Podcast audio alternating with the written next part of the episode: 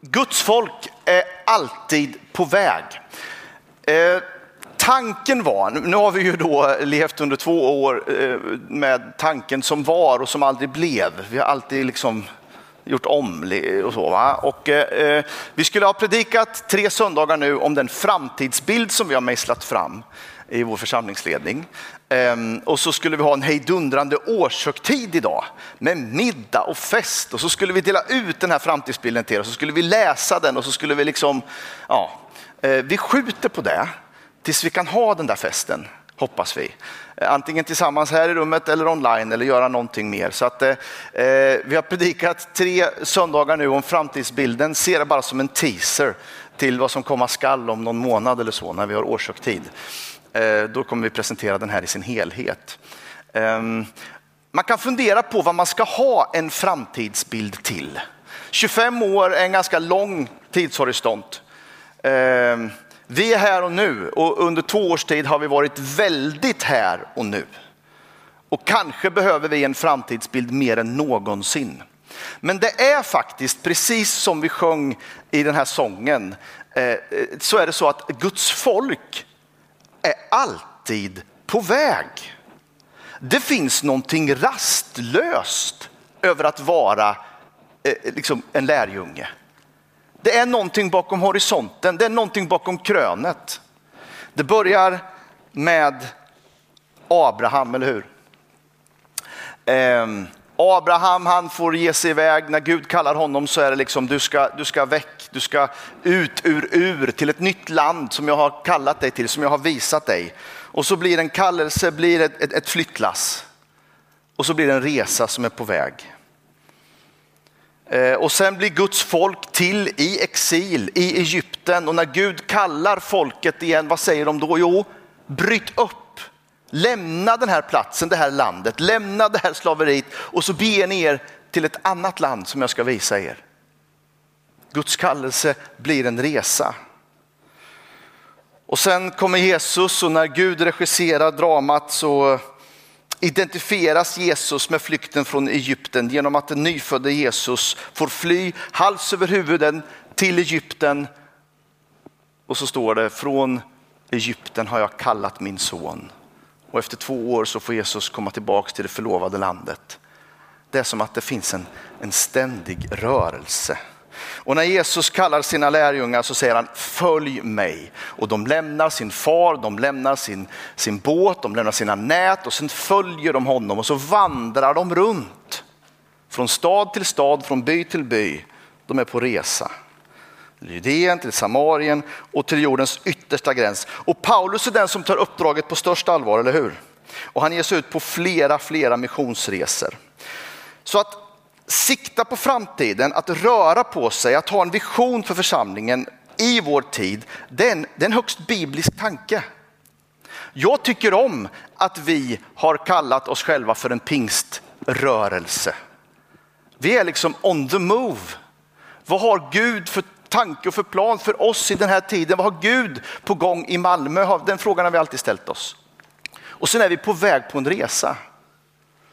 Och, eh, när jag var liten och vi skulle fira semester, då sattes min familj bara ofta i bilen på morgonen och så sa men nu åker vi. Vi visste inte riktigt var och vi hade liksom ingen riktig plan, utan vi bara åkte ut på ett äventyr. Och det blev ibland bra men ganska ofta så blev det så här, oj, har de redan stängt? Eller nej, det var inte öppet idag. Eller, ah, här verkar de haft kul igår. Eh, eh, så vart det ofta. Vi hade liksom ingen, ja, det är sånt jag är uppvuxen så. Det är liksom lite, man tar det på lite uppstuds. Eh, sen gifte jag mig in i en annan familj där man sa om familjeöverhuvudet att han var så rationell så han var knappt värd att ha ett liv. Det tyckte jag var elakt. Men men det var liksom inboxat och fyrkantigt och det var en plan som inte bara sträckte sig över det här året utan över nästa år. Och det var liksom eh, två världar som möttes. Eh, och jag tror att det är bra att vi har en plan.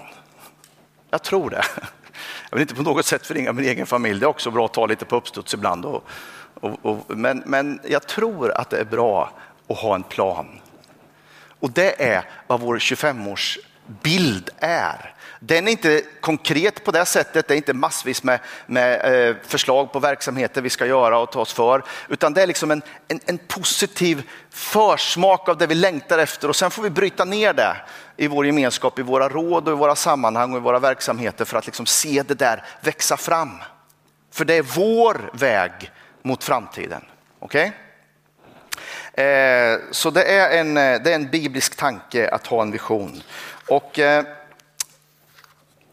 jag skulle idag vilja utgå ifrån Hesekiels syn om den dubbla strömmen. En mycket klassisk bild och text för oss som är pingstvänner. Den pingstkarismatiska kyrkan har eh, länge tänkt om den här texten att den här strömmen som Hesekiel får se som flyter fram ur templet, tempelkällan, det är en bild på den heliga anden. Eh, och när jag tänker församlingsliv, när jag tänker på vad vi ska vara, vad vi är kallade till, eh, så blir det där livet, det där myllret som, som strömmen ger upphov till, det blir för mig själva sinnebilden för vad en församling ska vara. Jag tycker det är en sån otroligt vacker bild och den skulle jag vilja bara ta lite ett avstamp i idag när jag delar några tankar med er. Så eh, återigen, vi reser oss upp igen. Respekt för Guds ord. Eh, och så läser jag ifrån Hesekiel 47, versen 7 till 12. Det står så här. Då jag kom tillbaka såg jag att det växte tätt med träd längs flodens båda stränder.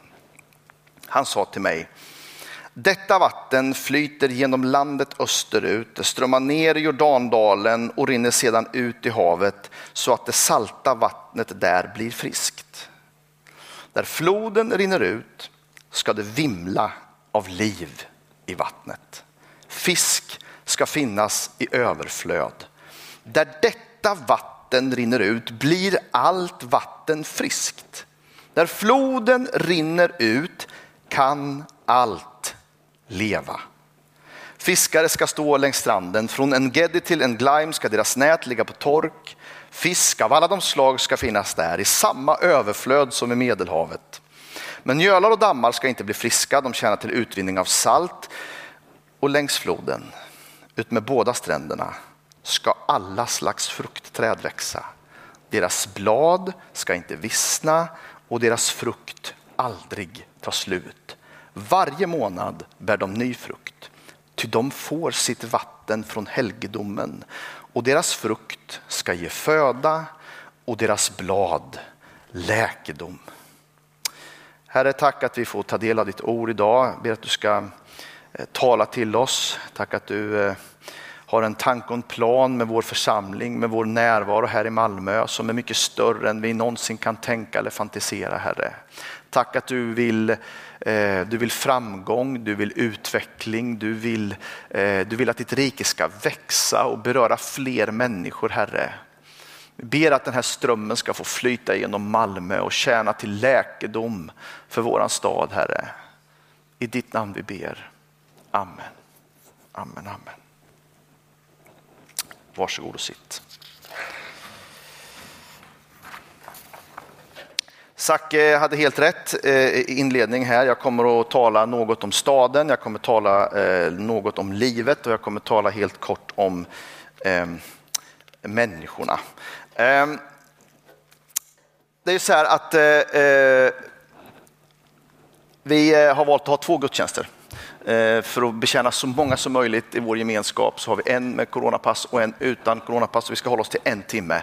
Det är extremt utmanande att predika kort. Det har ni förstått nu som har lyssnat på mig i tio år. Det är extremt utmanande att predika kort, men jag ska försöka vara koncentrerad idag. Och sen får vi fortsätta att bearbeta och jobba med den här framtidsbilden i alla möjliga och omöjliga sammanhang. Eh, så här har vi valt att formulera oss i en passage av vår framtidsbild där vi säger så här. Om 25 år är vi en gemenskap som staden kan luta sig emot. Vi är en viktig spelare i samhällsbygget som påverkar samhällsklimatet och leder utvecklingen framåt. Utifrån vår längtan att nå hela Malmö så finns vi närvarande i flera stadsdelar och vi samarbetar med många olika kyrkor och andra samhällsaktörer. Vi leder och initierar det offentliga samtalet utifrån vårt unika och viktiga bidrag. Det fanns en tid då frikyrkliga och kanske framförallt pingstvänner var lite outsiders. Vi liksom var eh, inte accepterade, kanske inte respekterade och vi slogs lite underifrån. Och ibland undrar jag om den där eh, eh identiteten har satt sig djupt hos oss. Att vi är liksom lite eljest. Och jag vet att den här idén lever kvar på många arbetsplatser. Det eh, kan vara svårt att säga att man tillhör en pingstförsamling. Ehm, eh, Knutby tror jag vi kommer få leva med hela, hela vår existens. Den är så smaskig den här historien så den kommer komma igång gång efter gång efter gång och när TV4 liksom pumpar ut den här serien så får vi klä skott för det. Och det finns såklart eh, sammanhang där vi fortfarande betraktas som, som lite märkliga. Det, det, det, det köper jag. Men vi har funnits i 100 år i det här samhället. Och vi är faktiskt en del av etablissemanget nu. Like it or not. Vi blir insläppta i finrummen. När biståndsministern undrar vad gör vi där ute? Ja, då blir våra företrädare kallade till regeringen. Jag är avskild av Kammarkollegiet att vara myndighetsutövare i min roll som vigselförrättare. Vi kan inbringa skattemedel till vår verksamhet och vi får ganska mycket pengar av Malmö stad för att bedriva härberget. Alltså vi är en del av vårt samhälle och vi är också i många stycken en respekterad del av vårt samhälle. Och jag tänker att vi behöver liksom befria oss ifrån idén att vi är, att vi är outsiders. Vi behöver kliva in i den tanke och den roll som jag tror faktiskt Gud har planerat för oss i den här tiden. Och se på oss själva med de ögon som, som Gud ser på oss. Vi ska vara huvud, inte svans. Vi ska leda samtalet, vi ska liksom vara stolta för det vi är och det vi gör. Och så ska vi agera utifrån det. Jag tror det är jätte, jätteviktigt. Om det är någonting som sekulariseringen har lurat i oss så är det tron på att religion är en privatsak. Att det hör hemma liksom i bönekammaren. Att det är min ensak bara. Jag tror inte att det är rätt, jag tror inte att det är riktigt. Jag tror att vi ska vara offentliga med vår tro. Jag tror att ett samhälle behöver liksom religiösa uttryck. Ett samhälle behöver kyrkan som kan svara på frågor som andra institutioner inte kan svara på. Det är ett viktigt bidrag. Låt oss leva som om det vore så. Låt oss initiera det offentliga samtalet utifrån vårt unika och viktiga bidrag. Malmö blöder. Människor far illa i våran stad. Träden som läker måste blomma varje vecka och strömmen ska komma ifrån den här helgedomen och ifrån alla andra helgedomar i våran stad. Det måste rinna levande friskt vatten ut i våra stadsdelar, eller hur? Vi vet att det förhåller sig så. Och det är bara den heliga ande som kan ge oss den kraften och den energin och den glädjen i att leva i den där strömmen. Där floden rinner ut kan allt leva. Gör allt för att den stad jag har deporterat er till ska blomstra och be till Herren för den. Ty dess välgång är er välgång.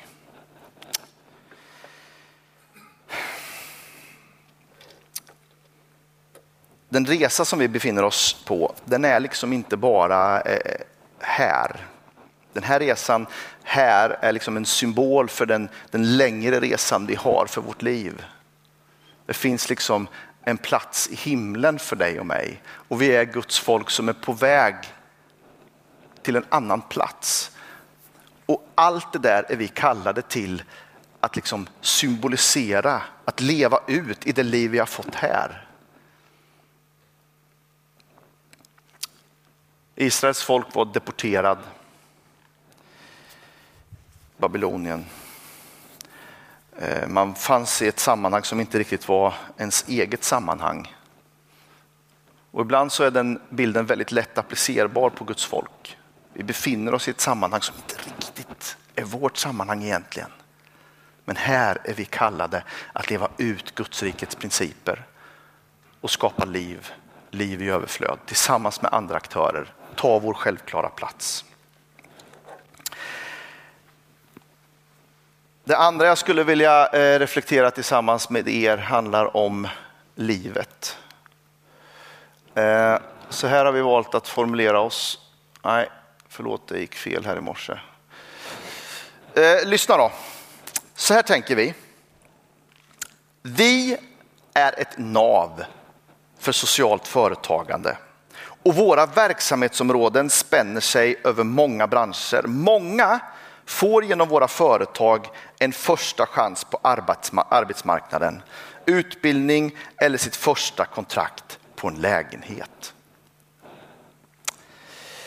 Därför att det vi gör måste inkarneras. Det måste bli kött. Det kan inte bara handla om idéer i det här rummet eller idéer som vi byter ut med varandra i hemgruppen eller de sammanhangen vi möts. Utan det som predikas måste bli kött. Det måste inkarneras.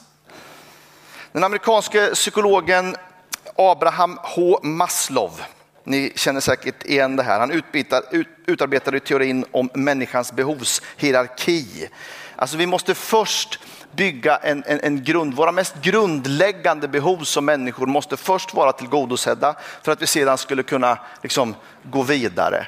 Det första handlar såklart om om rent fysiska behov. Vi måste äta, vi måste dricka, vi måste sova och vi måste ha hälsan där liksom på plats. Och när de behoven är tillgodosedda, ja då kan vi eh, möjligtvis börja fundera över vår egen trygghet, över vår anställning, hur får vi pengar, var bor vi och, och allt sånt där som skapar trygghet i livet. Och när det är till, tillfredsställt så kan vi gå upp och, och, fundera över gemenskapen, över de andra människorna i min omgivning, hur relaterar jag till, till fler? Och sen så kommer längst upp så handlar det mer och mer om mig själv, om min självkänsla, vem jag är som individ. Och det är först när allt det där är liksom på plats som jag kan börja reflektera över mitt självförverkligande. Vad ska jag göra? Vem är jag? Den där behovstrappan, behovshierarkin. Eh, och, eh, alltså det, det, är, det är nog sant att inom psykologin så har Maslow fått cred för den här idén, Maslows behovstrappa eller behovshierarki. Eh, men men Jesus, skulle jag påstå, lanserade den här idén långt före Maslow. Eller hur? När han håller sitt tal eh, i Matteus 25, det eskatologiska talet och talar om dem som han kallar för sina minsta. Kom, ni som har fått min faders välsignelse, överta det rike som har väntat er sedan världens skapelse. Jag var hungrig och ni gav mig att äta. Jag var törstig och ni gav mig att dricka. Jag var hemlös, ni tog hand om mig. Jag var naken och ni gav mig kläder. Jag var sjuk och ni såg till mig. Jag satt i fängelse och ni besökte mig. Då kommer de rättfärdiga fråga, Herre, när såg vi dig hungrig och gav dig mat eller törstig och gav dig att dricka? När såg vi dig hemlös och tog hand om dig eller naken och gav dig kläder? När såg vi dig sjuk eller i fängelse och besökte dig? Och då ska kungen svara dem, sannerligen vad ni har gjort för någon av dessa minsta som är mina bröder, det har ni gjort för mig hunger, törst, gemenskap, trygghet. Längst ner på behovstrappan. Och där är Jesus och så säger han till oss, där ska ni vara. Där ska ni, ni ska visa människorna vad Guds rike är. Genom att se till de här behoven. Eh, I, I vår vardag här eh, så har det de senaste den senaste månaden så har det liksom spelats upp ett människoöde som jag bara önskar att vi skulle kunna få multiplicera i vår församlingsgemenskap. Ehm, I vår klädhjälp så får vi kontakt med väldigt många eh, asylsökande människor. Till klädhjälpen kommer en ung familj från, från Iran. Ehm, och eh, vi hjälper dem med, med, med lite husgeråd och, och kläder och, och, det som behövs för att få livet att funka. Eh, och sen en vacker dag så dyker kvinnan upp med sitt LMA-kort. Sin, sin, eh, hon har blivit liksom registrerad hos Skatteverket och så säger hon så här, nu kan, jag, nu kan jag jobba. Och det tar bara en dag. Så har hon en timanställning i, i, i eh, träningsmat. Eh, och helt plötsligt så, så, ser vi att vi kan liksom tillgodose även den tryggheten. Och när eh, träningsmat har vuxit och hon har bevisat sig, liksom, hon klarar det här, hon gör det här jättebra, ja, då får hon fler och fler timmar. Och så bygger hon sitt CV. Och jag tänker att en, en, om en församling ska vara trovärdig i att tala räddning, frälsning, hjälp till hela människan, så har vi via våra verksamheter en enorm möjlighet att visa att det där går och fixa det där hela vägen. Det är inte bara snack, det är inte bara hjälp, utan det är också en möjlighet för dig att hjälpa dig själv genom att kliva in i en arbetssituation, visa dina framfötter och bara vara en del av en arbetsgemenskap. Och jag blir så glad när jag ser det händer. Jag blir så glad. Jag tänker, det här måste vi multiplicera många gånger. Många gånger måste vi multiplicera det här. Vad är det folk behöver? Någonstans att sova, man behöver någonstans att, eh, liksom, eh, man behöver mat på bordet och man behöver ett jobb och man behöver en gemenskap. Det där måste vi kunna ge människor och vi kan det redan nu och vi kan göra det ännu mer. Till sist då, om människorna. Jag skulle vilja bara läsa hur vi har formulerat oss. Om 25 år är våra lokaler på Stadiongatan en mötesplats för hela människan. Huset är öppet och det myllrar av liv under dygnets alla timmar.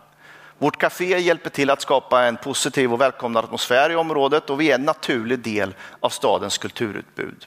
Vi har också format ett diakonalt center som tar hand om både ande, kropp och själ. Och när människor ser vår fastighet och tänker på vår församling så leds deras tankar till hopp, helhet, omsorg och en genuin tro på Jesus. Alltså jag, jag tror att det sitter i vår blick. Det sitter i vår blick. Hur, hur möter vi människor? Vad har vi för syn på vad en människa är? Hur värderar vi en människa? Vad gör att man vill komma tillbaks? Vilka associationer skapar man med den här platsen och de här människorna som samlas här? Ah, de talar hopp där inne. De tror på Jesus där inne. Här vill jag vara, här blir jag sedd. Eh, vi har haft ett intressant samtal i framtidsgruppen när vi, när vi eh, när vi, när vi närmar oss den här liksom, tanken med människor. Eh, jag, jag, tror, jag tror att vi är kallade till de som är de mest utsatta i vårt samhälle. Jag tror absolut att det förhåller sig på det sättet. Eh, men, och det här, det här är liksom en, en upplevelse för mig. Det är viktigt att vi inte skjuter de människorna framför oss. Är ni med? Om vi hela tiden refererar till dem vi ska nå som den som är papperslös eller den som är en flykting eller den som är eh, socialt utsatt, den som är fattig. Då rör det, då rör det sig inte om, om, om min sfär och mina vänner, då är det liksom alltid de andra. Och då håller jag hela tiden det faktum att evangeliet ska ut ur mig, det ska ut till någon väldigt, väldigt främmande person långt där borta som inte alls är som jag. Att istället våga tänka tanken, människorna, det handlar om mina arbetskamrater. Det handlar om mina klasskamrater. Det handlar om min granne som ungefär delar samma livsförhållande som jag. Det är han som ska bli frälst. Det är han som ska komma till tro. Så i vår strävan att, att, hela tiden vara där Gud har kallat oss att vara bland de minsta så får vi heller inte glömma bort dem som är nära oss. Och då blir det helt plötsligt mycket svårare, eller hur? Då kryper det helt plötsligt mycket närmare. Och då blir vi helt plötsligt mycket, mycket mer beroende av Gud och den heliga ande och den här levande strömmen. Att det är på riktigt. När Jesus såg människorna så fylldes han av medlidande med dem, för de var illa medfarna, hjälplösa som får utan herde. Och han sa till sina lärjungar, skörden är stor, men arbetarna få. Be därför skördens herre att han sänder ut arbetare till sin skörd. Jag skulle vilja gå tillbaka i avslutningen till den här behovstrappan. För ibland tänker jag möjligtvis är det så att vår tids konsumtion, vår tids liksom individualism har placerat frälsningen längst upp där i självförverkligandet. Ni vet, att eh, unna sig lite andligt sökande. Att förverkliga sig själv och, och utforska liksom andliga dimensionen av livet. Och så har vi kanske i kyrkan också gjort frälsningen till ett liksom, litet tilläggspaket i livet. En liten extra meny. Man är lite religiöst lagd och sådär. Man tillhör de frireligiösa. Inget kunde vara mer fel än det. Och när vi köper den idén så lurar vi oss själva och vi blir en konsumtionskyrka. Men när Världshälsoorganisationen identifierar begreppet existentiell hälsa då helt plötsligt så, så formas ju tron och det vi tror på i ett språkbruk som placerar frälsningen längst där nere. Som det mest basala behovet som vi har som människor. Du behöver en tro på Jesus Kristus för att du ska hamna där du är tänkt att vara. Du behöver bli frälst, du behöver ha rätt liksom, inst- du behöver liksom komma rätt inför Gud. För då blir hela ditt liv rätt. Allt därifrån sen. Och vi kan bygga gemenskap i kyrkan och här kan du få, inte förverkliga dig själv, men förverkliga Guds dröm. Du kan få vara en del av någonting mycket, mycket större. Som inte handlar om dig. Och så liksom blir hela livet, jag, jag menar inte att bara för man är en, en frälst person så blir hela livet rätt. Men hela livet får rätt förutsättningar. Och därför så hör våra våra företag och vår skola och den här gudstjänsten, de hör intimt ihop. Därför att vi behöver ha en helhetssyn här. Alla människor har syndat och gått miste om härligheten från Gud, skriver Paulus i Romarbrevet. Alla människor. Här görs ingen åtskillnad. Och jag drömmer och lever i den här tanken om en församling som, som är ett, ett tempel och ur den ur det templet som inte är det här huset utan som handlar om, om människorna som är här och tillber så, så strömmar det en, en levande källa. Och där den källan, den, där den letar sig fram, där kan allt leva. Och, och då menar jag leva, då menar jag liksom livets alla aspekter. Jag hoppas och tror och ber och längtar efter det. Och jag tror att vi kan ganska snart vara där. Vi är där redan i någon mening och den här framtidsbilden handlar inte om någon revolution. Det handlar i väldigt hög utsträckning om att göra det vi gör nu fast mycket, mycket bättre. Jag längtar efter det. Jag längtar efter det. Amen. Herre, jag tackar och lovar dig för att vi får vara här inför ditt ansikte. Jag tackar dig för att du är den som leder din kyrka, du leder din församling. Du, du, du tar våra fötter och placerar dem liksom på, på nya sammanhang och du leder våra steg in på nya områden här. Och jag ber att den här framtidsbilden ska få växa i oss, att vi ser den här levande, pulserande församlingen som, som möter behov i våran stad, som möter människor, som, som möter liksom, eh, grannen, som möter arbetskamraten och som möter den också som har såklart stora behov på, på alla möjliga olika plan. Tack att du välsignar våra företag att göra det de är kallade att göra, att vara det de är kallade att vara i våran stad, Herre. Eh, att ha ett högre syfte, att ha, liksom, jobba för, för människors välfärd, utbildning och liksom, eh, att, att placera människor på den plats där de är tänkta att vara, Herre. Jag tackar dig för att vi överallt i all vår verksamhet ska få se människor bli frälsta, komma till tro på dig, hitta en väg fram i livet Herre. Men även om de inte gör det så har vi, så har vi erbjudit dem det vi tror på. Jesus Kristus, vi tackar och lovar dig för det. Vi tackar och lovar dig för det. I Jesu namn. Amen. Amen.